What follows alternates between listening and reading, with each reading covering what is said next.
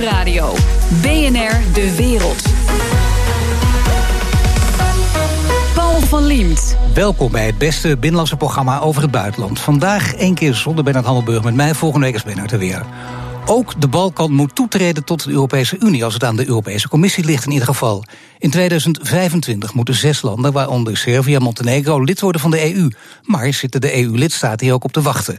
Daar praat ik over met Hans van Balen, Europarlementariër voor de VVD. Welkom, meneer van Balen. Ja, dank u wel. Ja, straks, uh, uh, ja. Nou ja, u stelde de vraag al. Je bent natuurlijk gek als je een datum noemt.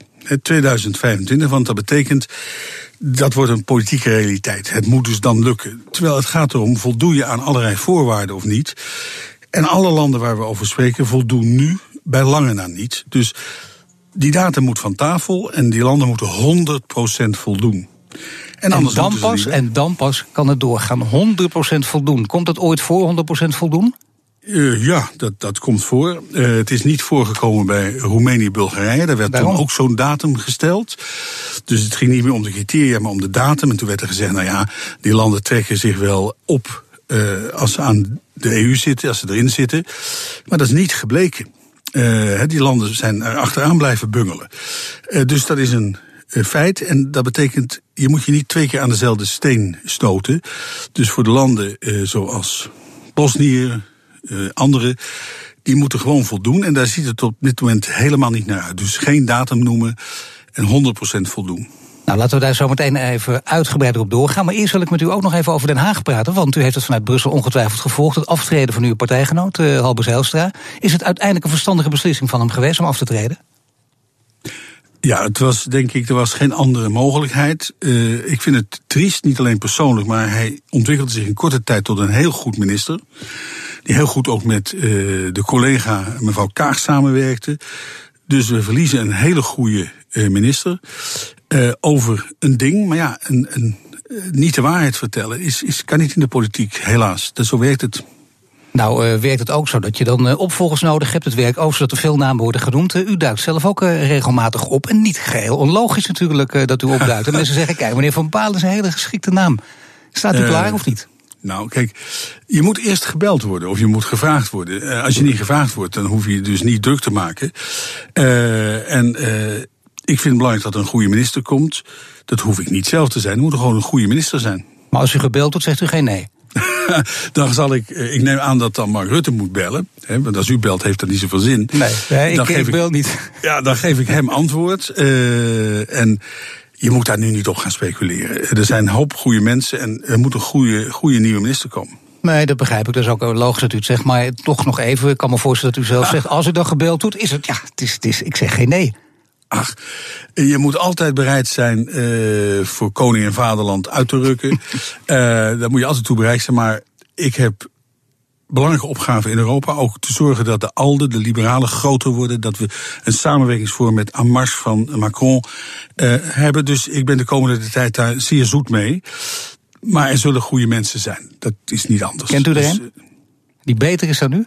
Ik zit zo heel diep na te denken. ik denk nu, dat maar... het bijna onmogelijk is, maar je kunt ze toch wel vinden hoor. Nou, wie dan? Ja, maar, de, de, maar Rutte moet nu gewoon een lijstje gaan samenstellen.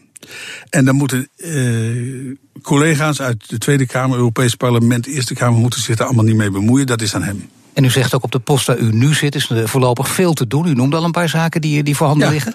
Uh, wilt u volgend jaar weer de VVD-lijst aanvoeren bij de Europese verkiezingen? Het lijkt me logisch, maar ook dat moet mijn partij nog uh, zo zien. Uh, het gaat mij erom invloed VVD in het Europees Parlement van Nederland is vitaal. Met alle ontwikkelingen, uh, meer samenwerking op defensie, veiligheidsbeleid. Wat gebeurt er met de euro? Gaan Merkel en Macron een deal maken die ons niet goed gezind is? Worden we de tweede partij, van vierde naar tweede, maar dan in een samenwerkingsverband met Macron? En wat zijn we dan overeengekomen? Waar hebben we verschillen van mening over? Nou, uh, daar ga ik me enorm voor inzetten. We hadden het net over de Europese Commissie, die wil dus uitbreiding. Het gaat om zes Balkanlanden, Montenegro, Servië, Albanië, Macedonië, Bosnië, Kosovo. Uh, u heeft al uh, een paar waarschuwingen geuit, maar er zijn ook positieve geluiden te horen. Natuurlijk van EU-buitenlandchef Federica Mogherini. Die zegt, hiermee bieden we deze landen een perspectief en stabiliseren we de regio. En vooral dat laatste zou je kunnen denken, dat is voor ons van belang. Ja, maar als je. Kijk, het gaat om veel meer. Uh, je wordt lid van de Europese Unie. Met een vrije markt, met enorm veel regels, uh, met justitiesamenwerking, buitenlandssamenwerking. Als je als land niet in staat bent die Europese regels in te voeren, maar ook uit te voeren, ja, dan ben je een bok aan het been. Dan, dan help je niet mee. Dus dan draag je niet bij aan, aan meer cohesie, dan draag je bij aan meer gedoe. Uh, ik ben het eens dat de, de westelijke Balkan, dat je daar Poetin heeft, uh, die zit aanstoken. Uh, dat is heel duidelijk. Er zijn nog hele grote problemen tussen de bevolkingsgroepen. Die zijn dikwijls bevroren, ook in Bosnië. Ik heb daar zelf als vredesmilitair gezeten. Nou, men sprak niet met elkaar. Moslims niet, Kroaten niet, Serven niet. Dat is niet verbeterd. Ehm, dus ik zou zeggen, help die landen. Help ze met technische voorzieningen. Help ze, zorg dat die landen ook één interne markt gaan vormen. Dat is dan al het begin. Maar ga nou niet praten over lidmaatschap als die landen niet voldoen. Dat is echt een slechte zaak. Gaat ook niet de stabiliteit uh, bevorderen.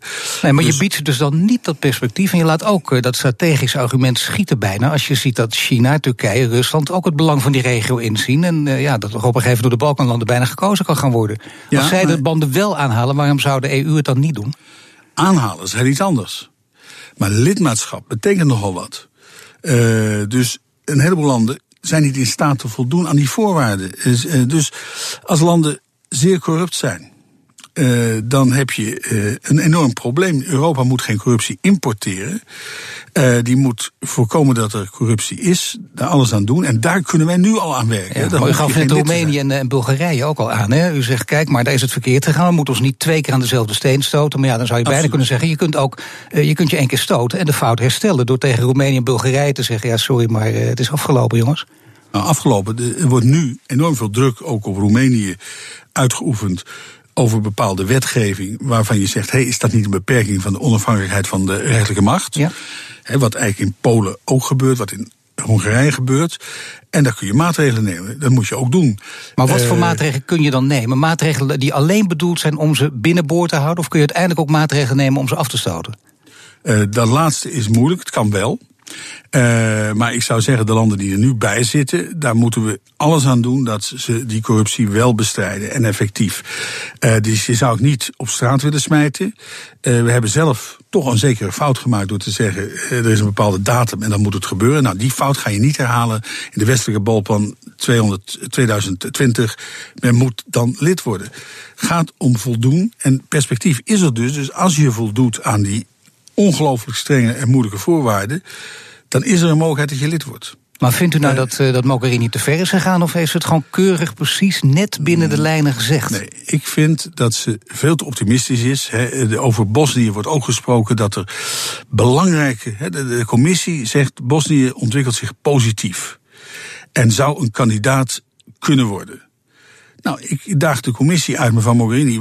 Noem nou eens wat daar nou positief gebeurt op het gebied van uh, etnische samenwerking, dus niet meer uh, tegen elkaar vechten.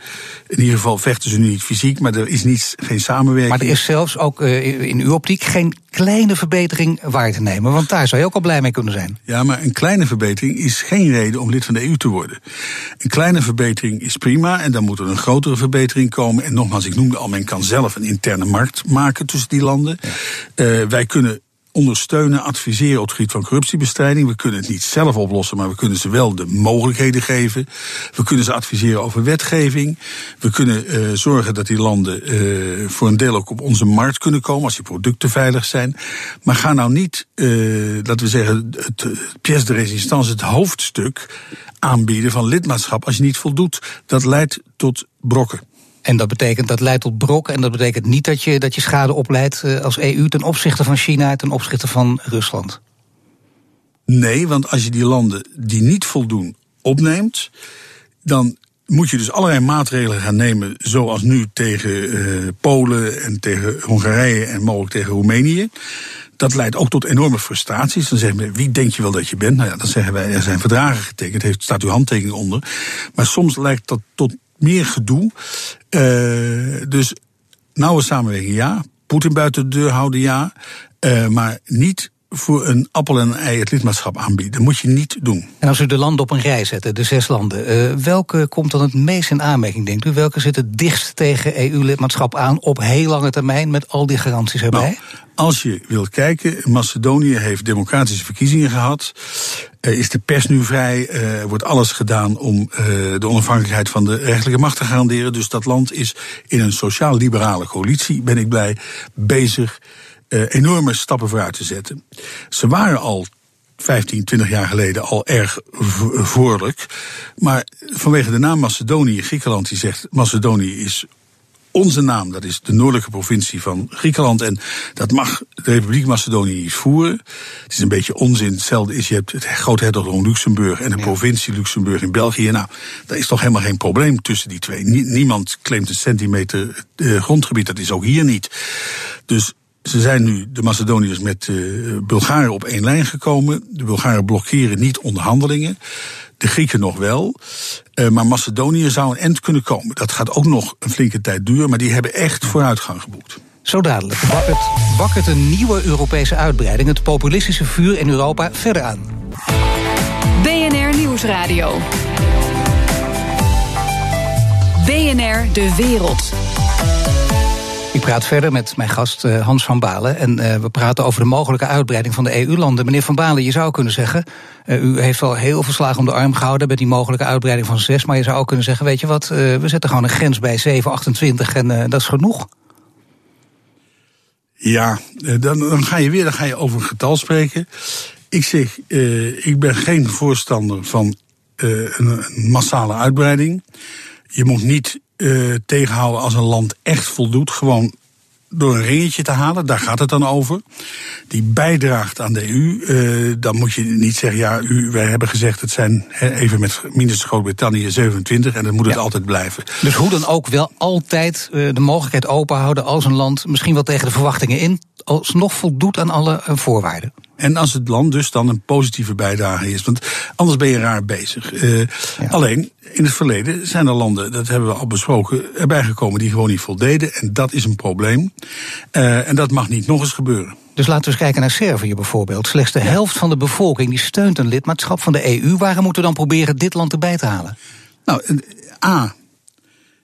Servië moet willen dus gewoon, Servië moet graag lid willen zijn van de EU. Dus u bedoelt dat de hele bevolking moet het willen? Nou ja, zij mogen van mij een referendum organiseren. Want nogmaals, sommige landen doen dat, sommige doen dat niet.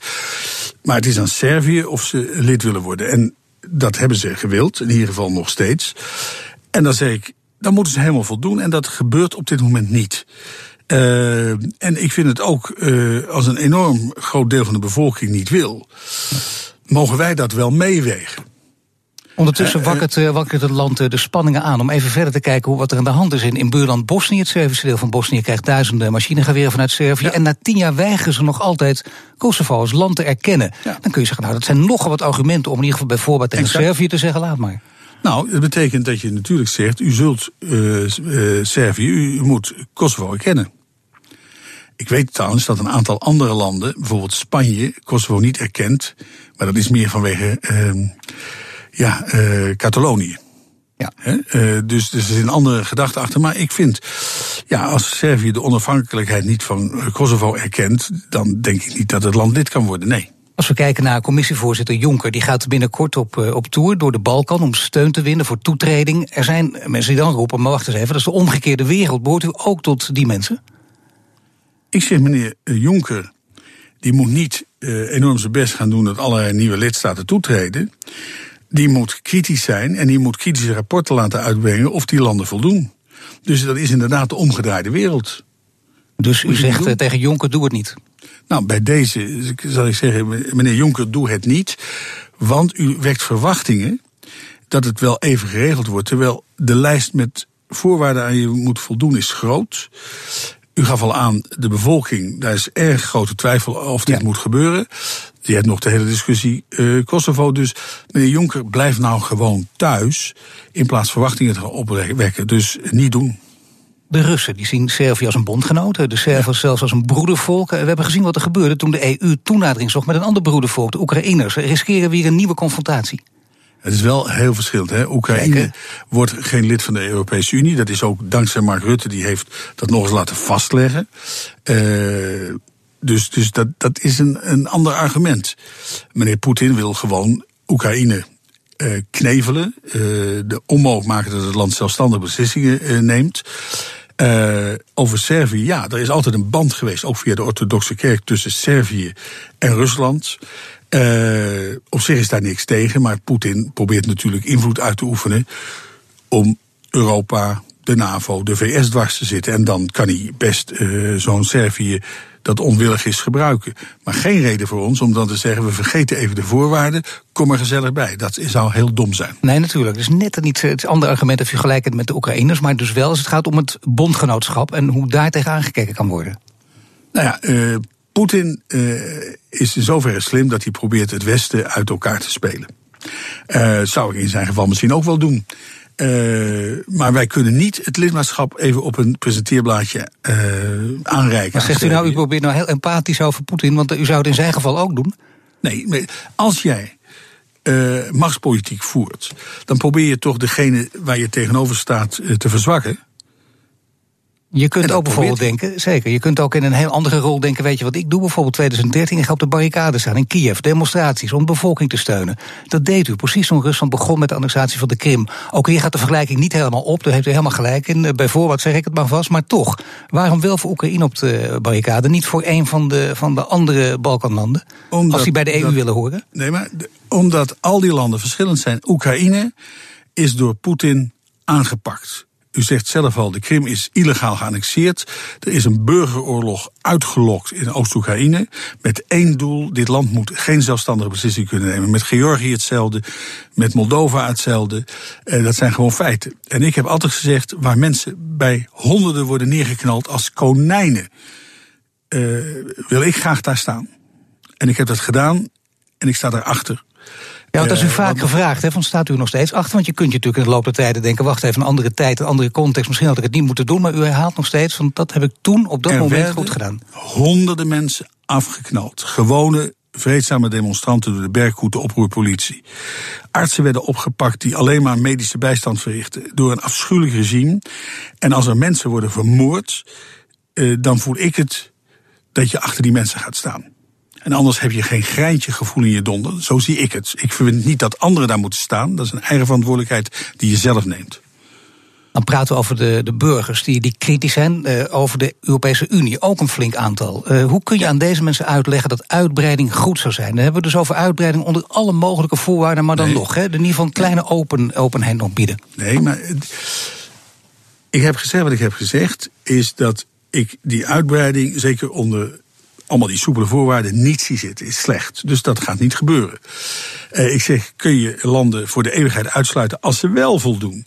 Nou, dan, dan zie ik geen reden voor. Maar je moet heel duidelijk maken aan de Nederlandse bevolking dat wij in Europa voor Nederland en voor de lidstaten moeten werken. Wij moeten zorgen dat er uh, betere uh, interne marktvoorwaarden zijn. Dat je makkelijker kan exporteren, ook naar het buitenland. Dus dat, dat leidt tot banen. Daar zitten we voor in Europa en niet voor enorme verhalen.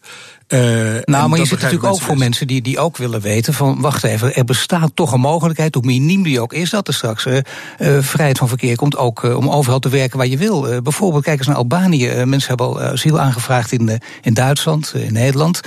straks mogen ze misschien wel, nogmaals, een hele kleine kans... maar wie weet, alsnog nee, hier gewoon gaan werken. Dan mogen ze niet, omdat Albanië tientallen jaren verwijderd is, misschien nog wel meer, van een eventueel lidmaatschap. Want men voldoet geen zins. Als je dan hard bent en eerlijk bent, zal dat land er niet bij komen. Uh, en je kunt op een gegeven moment, ook bij landen die nieuw zijn, voorwaarden stellen over, dat, uh, over die arbeidsmigratie. Uh, dus maar dat is bijna een academische discussie. Je kunt net zo goed zeggen, nou de kans dat ze erbij komen is al heel erg klein. En als het nee, gebeurt, maar, heel kijk, ver weg. Het gaat op een gegeven moment over feiten. Is het zo dat wij enorme last hebben uh, van letse dakdekkers? Nee, dat is niet het geval, want je hebt heel weinig Nederlandse dakdekkers. Uh, dus als iemand tegen dezelfde arbeidsvoorwaarden gewoon keurig netjes werk verricht, is daar niks op tegen, want er zijn ook honderdduizenden Nederlanders die in Polen, in Roemenië en noem maar op werken. Uh, dus of samen arm, we doen niks meer met elkaar. Of we proberen samen rijker te worden. En dat is uh, steeds gebeurd. Nederland is een van de sterkste exporteurs naar Oost-Europa. Een van de sterkste in investoren, investors. Dus, dus wij hebben daar voordeel aan. Maar niet aan ongebreidelde uitbreiding. En niet aan uh, oneerlijke voorwaarden schijnconstructies. Nee, die dat kan ook niet. En daar moet je dus ook harder dan in het verleden tegen optreden. Met in je achterhoofd, uh, kijk eens wat er met Bulgarije en Roemenië gebeurt. Dus daar hebben wij een fout gemaakt, die proberen we te herstellen. Dat mag niet weer gebeuren. Nee, dat, ik bedoel, een ezel in het algemeen stoot zich niet twee keer aan dezelfde steen. En dat moeten we dus vooral niet doen. Kunt u een voorbeeld van zo'n echt harde maatregel noemen? Die, die nog tot nu toe niet genomen is, maar die in, in de toekomst wel genomen kan gaan worden? Nou, uh, dat kan alleen maar op individuele basis. Uh, mensen die hier naartoe komen, eigenlijk geen, geen, geen, geen werk kunnen krijgen. Uh, die alleen maar gebruik maken van uh, de, de sociale wetgeving. Ja, kun je de sociale wetgeving aanpassen, dat niet iedereen dat krijgt. Dat moet je doen. En je kunt mensen op individuele basis zeggen: ja, u, u maakt geen enkele kans uh, op, op werk, dus u komt niet. Op individuele basis betekent natuurlijk dat is een hoop werk. Maar soms moet je een hoop werk verzetten. Nu heb je te maken eh, met, uh, met feiten, ook met sentimenten. Uh, mensen in Oost-Groningen, Wallonië kunnen zeggen: luister even, inderdaad, we zien de welvaart toenemen. Maar wij merken daar weinig van, van die Europese welvaart die aan het toenemen is. Wat zegt u tegen die mensen? Nou, ik ken toevallig, Brussel ligt niet in Wallonië, maar wel op de grens. dus ik kom daar wel vaak. Wallonië heeft ongelooflijk veel voordeel gehad aan lidmaatschap van de Europese Unie, eh, economische hulpprogramma's, herstructurering van de, de kolen- en staalsector.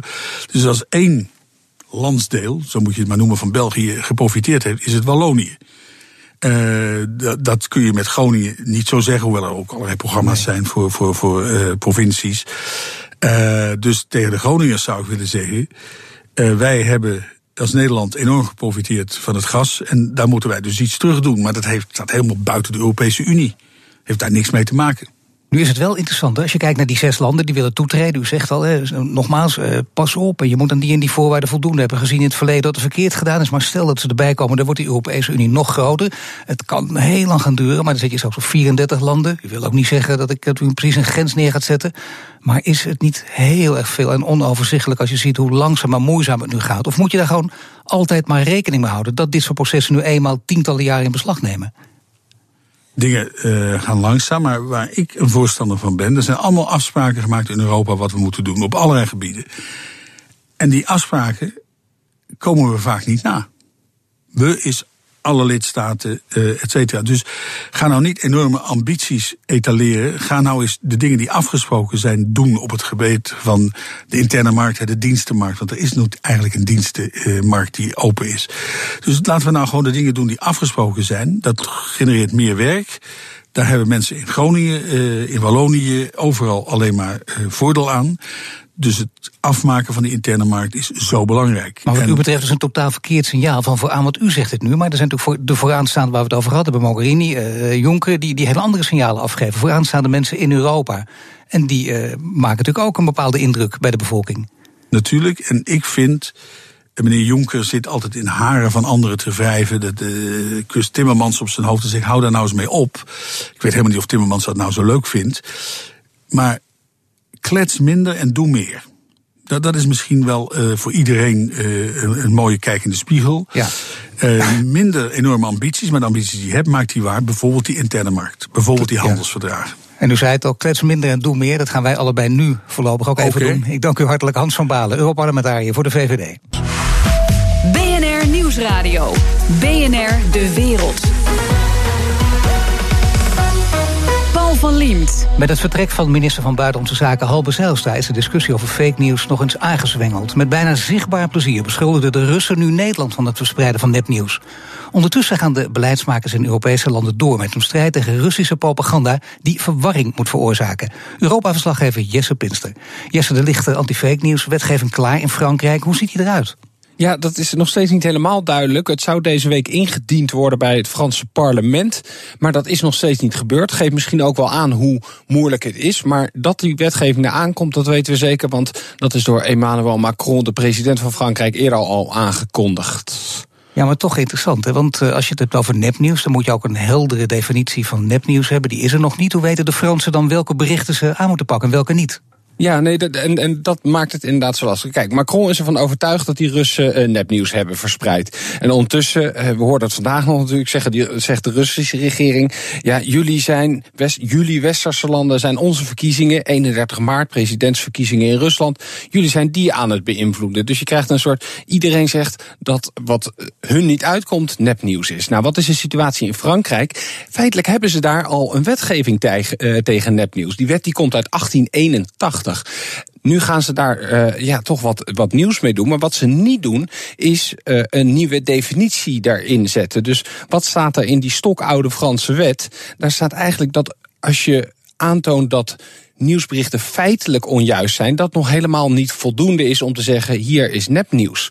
Wat ze, uh, je nog moet doen, is ook nog eens bewijzen dat er een soort kwade opzet in het spel is. En dat die kwade opzet dan ook nog eens is het publieke debat te verstoren. Nou en daar gaan ze eigenlijk nog helemaal niet aan tornen. Waar de Fransen nu naar zitten te kijken, is ja, we moeten naar die digitale nieuwskanalen, naar Facebook, YouTube. En die, die moeten zich uh, meer druk gaan maken over fake nieuws. En we willen dat media, zoals zij dat dan noemen, die onder invloed staat van buitenlandse machten. Denk aan RT, Russia Today of Sputnik, want er wordt toch altijd naar Rusland verwezen. Zeg maar, die gaan we aanpakken. De definitie, daar komen ze voorlopig nog niet aan. Nee, vrij ingewikkeld nog. In Duitsland is er sinds kort wel wetgeving. Dat is volgens mij nog geen succes. Nee, dat is absoluut uh, nog uh, niet echt een succes. De netwerkdoorzetting gezet. Ja, ja, je krijgt er ja, bijna ja, je strot niet uit. Nog een keertje. Daar waag ik me niet eens aan. Nee. Dat, het komt er eigenlijk op neer. En dat is dus ook op die digitale kanalen gericht. Dat uh, er boetes klaar liggen van tot 50 miljoen euro. als zij fake nieuws door blijven zetten. Ze krijgen 24 uur om het te verwijderen. En nou hebben we de afgelopen maanden gezien dat in Duitsland. Uh, uh, ja, dus Twitter gaat maar heel snel allemaal berichten verwijderen. Inclusief een bericht van de minister zelf die met deze wetgeving is gekomen. Heiko Maas.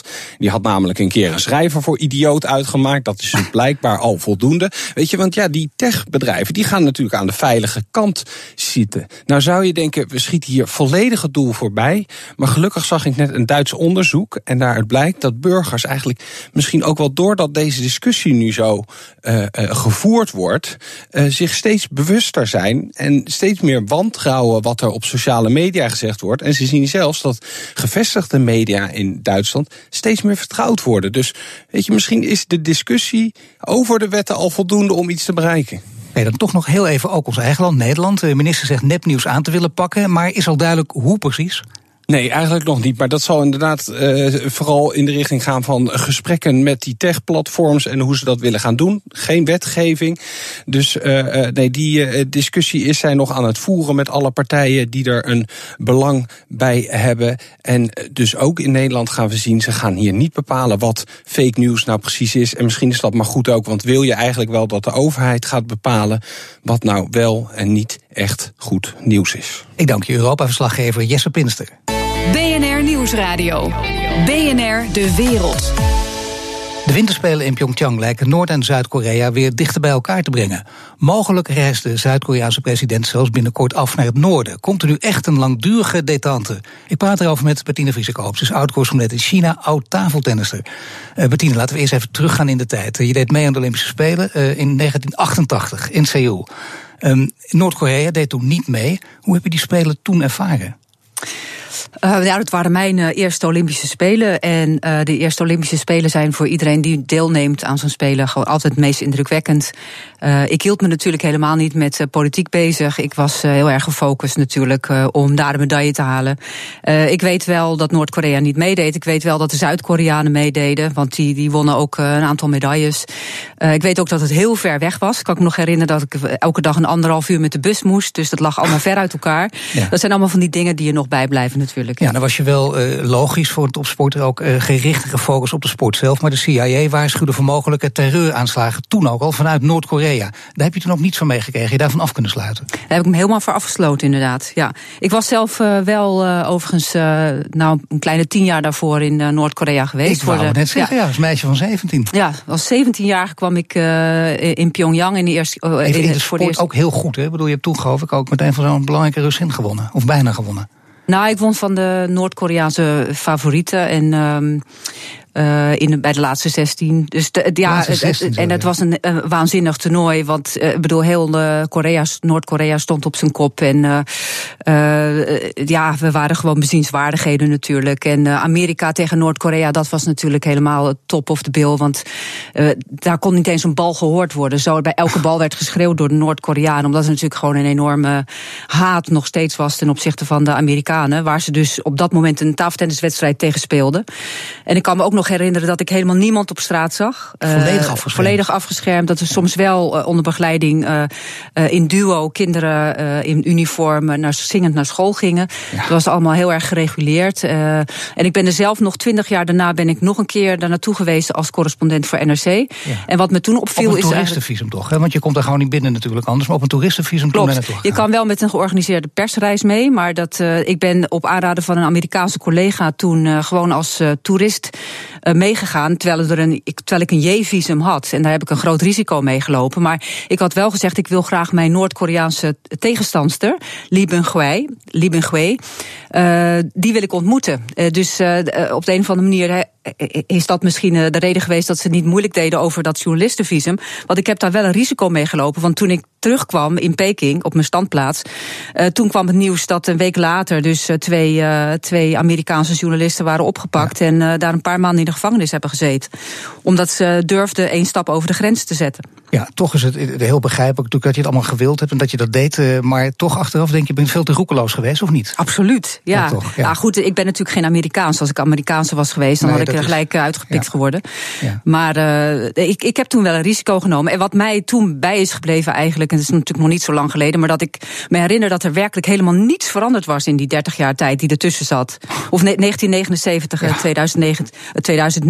Dus dat was, ja, dat was echt bizar. Er is gewoon geen modernisering. Wat ik heel bizar vond, is dat ik ochtends allemaal mensen lopend naar hun werk zag gaan. Dus niemand heeft bijna een auto in Noord-Korea. Ja. Omdat er ook geen benzine is. Nee. Ik kan bijna zeggen, wel een heel groen land, maar dat is...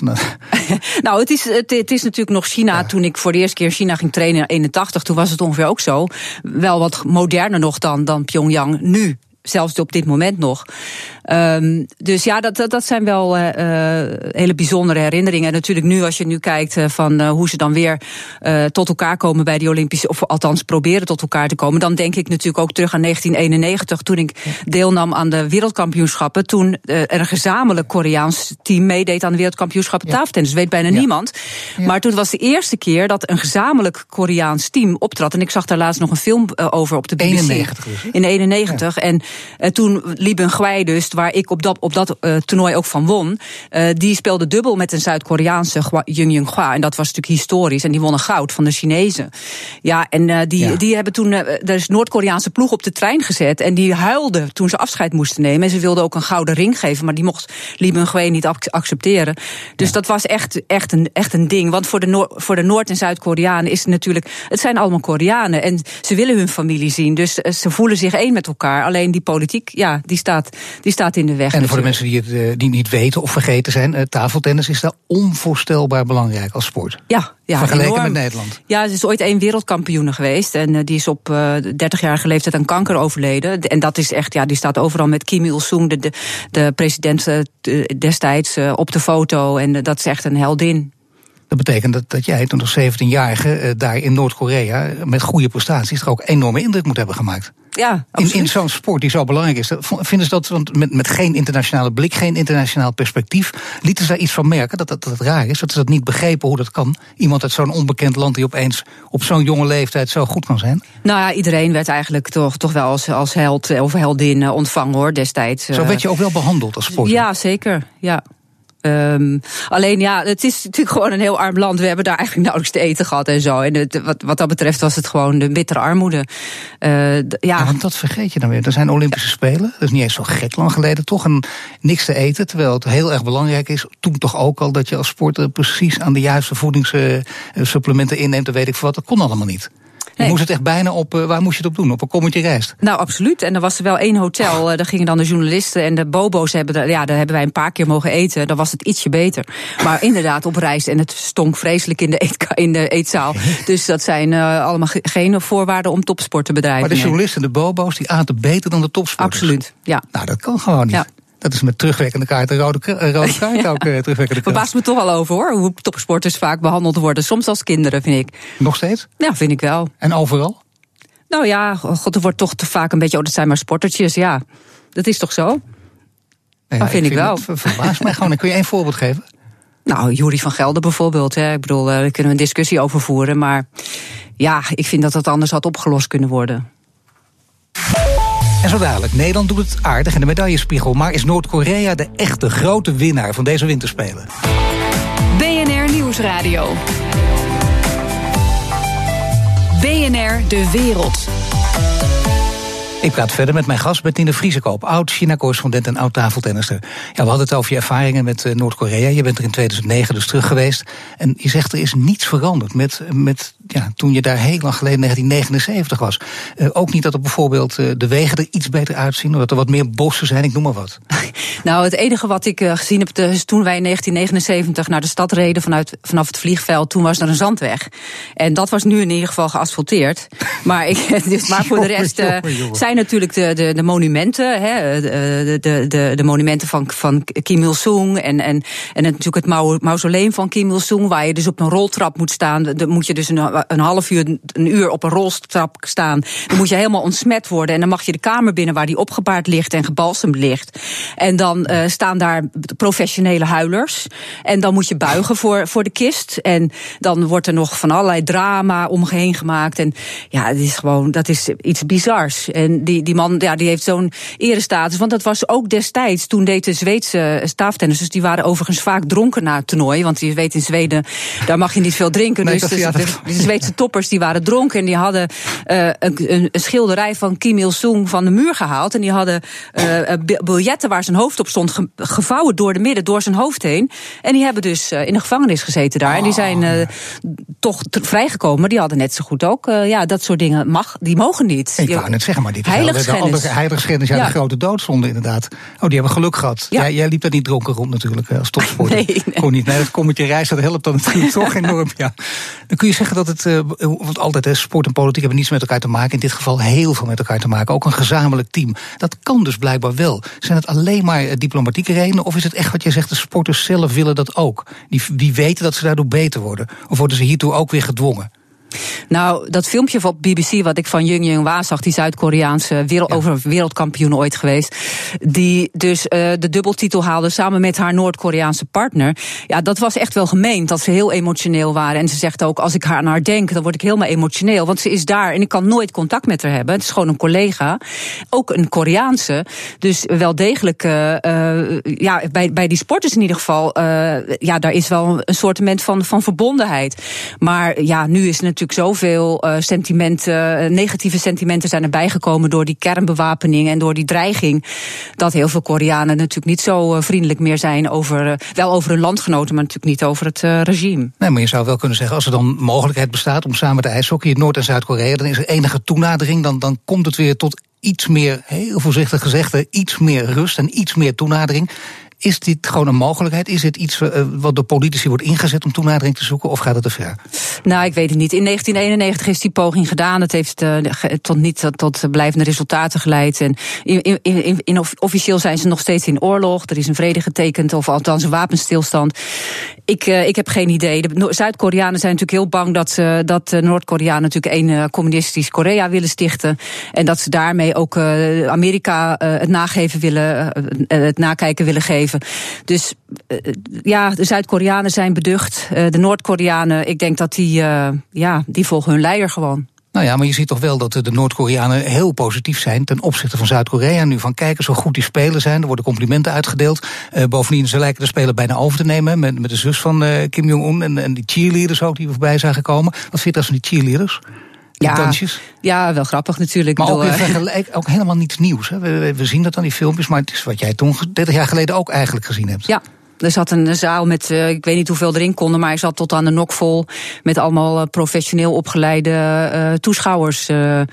Ja. ja, dat ook. Hè. Professioneel opgeleide toeschouwers, professionele huilers. Het is echt alleen maar nep. Allemaal geregisseerd, ja. Ja, dat betekent dus uh, ook die vriendelijke woorden voor Zuid-Korea... die zijn ook allemaal geregisseerd. En, en die zus die daar uh, zit te smilen voor... Het is allemaal regie en uh, wat er precies achter steekt... dat, dat weet eigenlijk niemand. Ik bedoel, al zou iemand dat weten, dan, ja, dan, dan... Ik weet het niet, maar wat er dan zou gebeuren. Maar niemand weet eigenlijk de echte agenda van Kim Jong-un. Nee, maar romantici hopen natuurlijk dat dit heel goed is... en kijken eens even wat geweldig en zo. Er is toch een kleine toenadering nodig en zie je wel, daar begint het precies, altijd. Precies, het is goede sier maken. En, maar het is niet ja. iets nieuws, je hebt niet iets gezien waarvan je denkt, nou, dat heb ik nog niet gezien. Op een bepaalde manier zijn ze aardig voor elkaar. Aardiger dan ze ooit in het verleden geweest zijn. Nou ja, goed dat er nu een uitnodiging komt, dat vind ik wel bijzonder. Topsporters worden dus, uh, je zegt het zijn helden. Jullie waren ook helden toen je daar was. Uh, maar topsporters worden ook in Noord-Korea echt als helden beschouwd? Aan de ene kant wel als ze winnen, maar uh, ik ben natuurlijk uh, tijdens mijn bezoek in 2009 ben ik in het officiële trainingscentrum van de Noord-Koreaanse ploegen geweest. Nou ja, dat is natuurlijk ook. ik ben in 1981 in China geweest. Dat was bittere armoede en echt afzien en ook bijna geen eten. Alles was nog op de bon. Nou, ik denk dat Noord-Korea eigenlijk nog onder die standaard zit. Dat zei ik net ook al.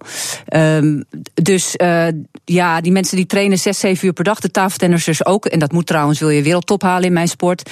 Uh, maar ja, eh, internationaal contact hebben ze nauwelijks. Want ik denk dat ze geen geld hebben om die internationale toernooien te spelen. Dus zonder internationaal contact uh, ja, behalen ze dan toch bronzen medailles op de Olympische Spelen. En dat vind ik wel razend knap. Je hebt wel in die tijd, dat is al lang geleden, toen was je zelf ook heel jong, maar toch ook wel met Noord-Koreaanse sporters kunnen praten. En, en iets meer kunnen praten dan alleen maar over koetjes en kalfjes. Nee, met Noord-Koreanen kan ik niet praten. Nee. ik spreek geen Noord-Koreaans. Nee, maar een heel klein beetje Engels.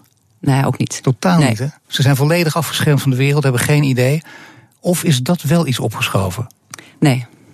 Nee, absoluut niet. Er wordt wel Engels gegeven, maar die kinderen die worden gewoon klaargestoomd om, uh, om een goede topsporter te zijn. En die hebben geen tijd om uh, wat dan ook te leren. Ja, ik denk het, het heldendom is eigenlijk alleen maar toebedeeld aan uh, nou, de familie Kim. Dat zijn de grote en, en de zus. En daar mag je ook, ook niet even... mee wedijveren. En dan, dat bedoel ik, dan mag je dus mee wedijveren. Dus stel dat je daar als Noord-Koreaan, weet ik het, in welke sport ook drie gouden medailles haalt, dan ben je toch nog een heel kleintje vergeleken met de familie. Ja. Dat moet wel zo. Dat was in de tijd van Mao ook. Toen was er een uh, Zhuang die was wereldkampioen tafeltennis. Die, die haalde een hegemonie van drie keer of zo. En ja, dat was eigenlijk, die werd dan, daarna in de gevangenis gestopt in de culturele revolutie. Want hij dreigde populairder te worden dan Mao Zedong. Dan zie je dat dingen heel ingewikkeld kunnen liggen. Zoals bijvoorbeeld het ijshockeyteam. Mannen en vrouwen. En, of het, vrouwen uit Noord-Korea en Zuid-Korea. En dan de vrouw. Uh, met een, wat was het ook alweer, uh, in Amerika geboren of Zuid-Korea geboren. Maar ook met een Amerikaanse achtergrond. En die scoort. Uitgerekend die scoort dan die vrouw. Die deed er heel nuchter over. Die zegt, ja, ik ben een topsporter, ik scoor gewoon. Maar toch, uh, je zou bijna zeggen, ook weer met de romantische blik... dit kan ook wel tot iets leiden. Want dan heb je opeens Zuid-Korea, Noord-Korea en Amerika. Met z'n drieën komen ze bij elkaar. Ja, dat is wel heel bijzonder. Ja. Nou ja, goed, we hebben de pingpong-diplomatie gehad en hopelijk nu de pik-puk-diplomatie. Uh, ik zeggen de pik-diplomatie. Ja, dat is weer een hele nieuwe. Dat is de volgende stap, hè? Die gaat Trump uh, waarschijnlijk. Ja, maar dat is een. Ja, dat is een, dat is een geest om die eventjes hier neer te leggen. Nee, maar, maar die pingpong is misschien wel even goed, uh, dat weten wij nog wel, ja. Die pingpong, wat het ook alweer was. Hè. Mao en Nixon speelden daar een grote rol in. Klopt, ja. En wat deed Mao ook alweer? Uh, Mao, uh, die uh, regisseerde dat ook allemaal. Die zei tegen Zhuang toen: jij geeft in de bus, als de, de Amerikaanse spelers de bus inkomen, dan geef jij een sjaaltje. Ja. En daarmee breek je het ijs. Dat werd ook allemaal geregisseerd. En oh, ja. dan gaan wij met Nixon en Kissinger gaan wij een afspraak maken. En dan komt er een ploeg naar Peking. En dan gaan we de pingpongdiplomatie. En dan komen er voor het eerst na 30 jaar. Hè, want nou bedoel, China, China, had oorlog in Cambodja, Vietnam. En overal hadden ze oorlog. Ze waren uitgeput, uitgehongerd. En ze moesten wel. Ze stonden met hun rug tegen de muur. En toen heeft uiteindelijk, en je zou het ook kunnen zeggen dat nu Noord-Korea ook met de rug tegen de muur staat, door al die sancties en noem maar op. Dus ja, misschien krijgen we dus nu die PUK-diplomatie. Ja, heel duidelijk. Ja. de PUK-diplomatie, ja. dat is een heel mooi woord, zo, die zullen we even onthouden. Die gaat de hele dag door. En heet die andere ook alweer? Pingpong-diplomatie, uiteraard. Ja, en, en die derde? Oh nee, ja, dat, dat, is toch, dat... nee, toch helemaal goed voor de zee dat dat een verspreking was. Want ik bedoel, je weet het nooit gewoon. Uh, misschien ben je met voorbedachte raden hier gekomen. goed, ik dank je hartelijk. Bertine Vriesekoper, oud-correspondent in China en oud-tafeltennis. Dank je wel. BNR De Wereld. It's the economy, stupid. Ja, want uh, waar het in de wereld uiteindelijk om draait is geld. En wie weet het als geen andere economiecommentator Paul Sur. Paul, wat is jou vandaag opgevallen?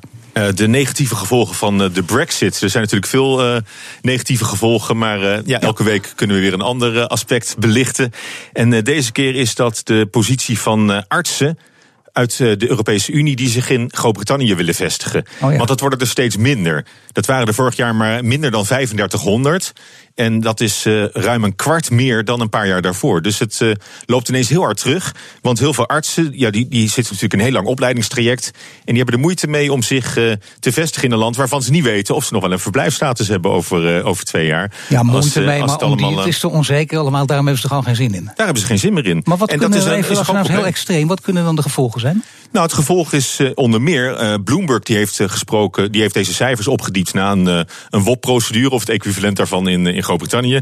En die hebben een Italiaanse specialist eh, gesproken, een, eh, een jonge vent, eh, die een vaste aanstelling in Londen laat schieten voor een tijdelijk contract in Frankrijk. Dus dat tekent maar hoe, hoe, hoe, erg het al is gesteld. En het gevolg is, nou ja, het raakt natuurlijk de National Health Service, want die ligt al heel erg onder druk en onder vuur. En zelfs Donald Trump uit Amerika, die liet zich daar al smalend over uit. Die zei de, de National Health Service is broke, had hij al getwitterd.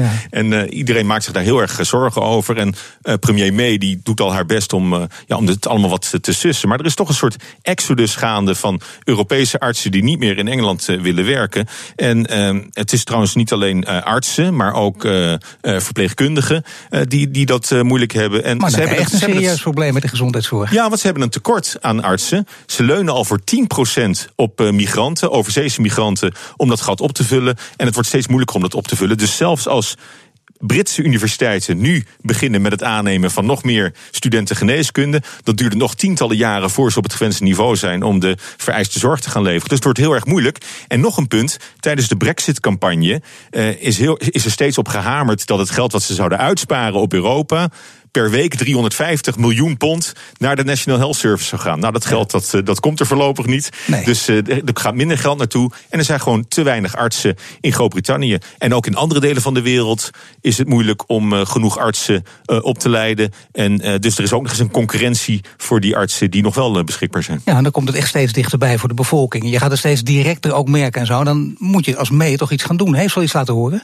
Ik heb van May nog niks gehoord. Ze ontwijken uh, ook een beetje het commentaar. Bloomberg heeft ook uh, gebeld met, uh, met Downing Street 10, maar die willen op dit punt geen, uh, geen commentaar Jij geven. Maar ik heb, ik heb, zelf, ik heb zelf niet, nee. niet gebeld. Ik bekijk dat van, een, van een comfortabel afstandje ja. vanaf Continental Europe. Maar ik, net, als, net als de artsen blijf ik, blijf ik liever hier. Dankjewel, economiecommentator Paul Lesseur. En tot zover BNR De Wereld. U kunt onze uitzendingen terugluisteren via podcast of de BNR-app. Tot volgende week met Bernhard.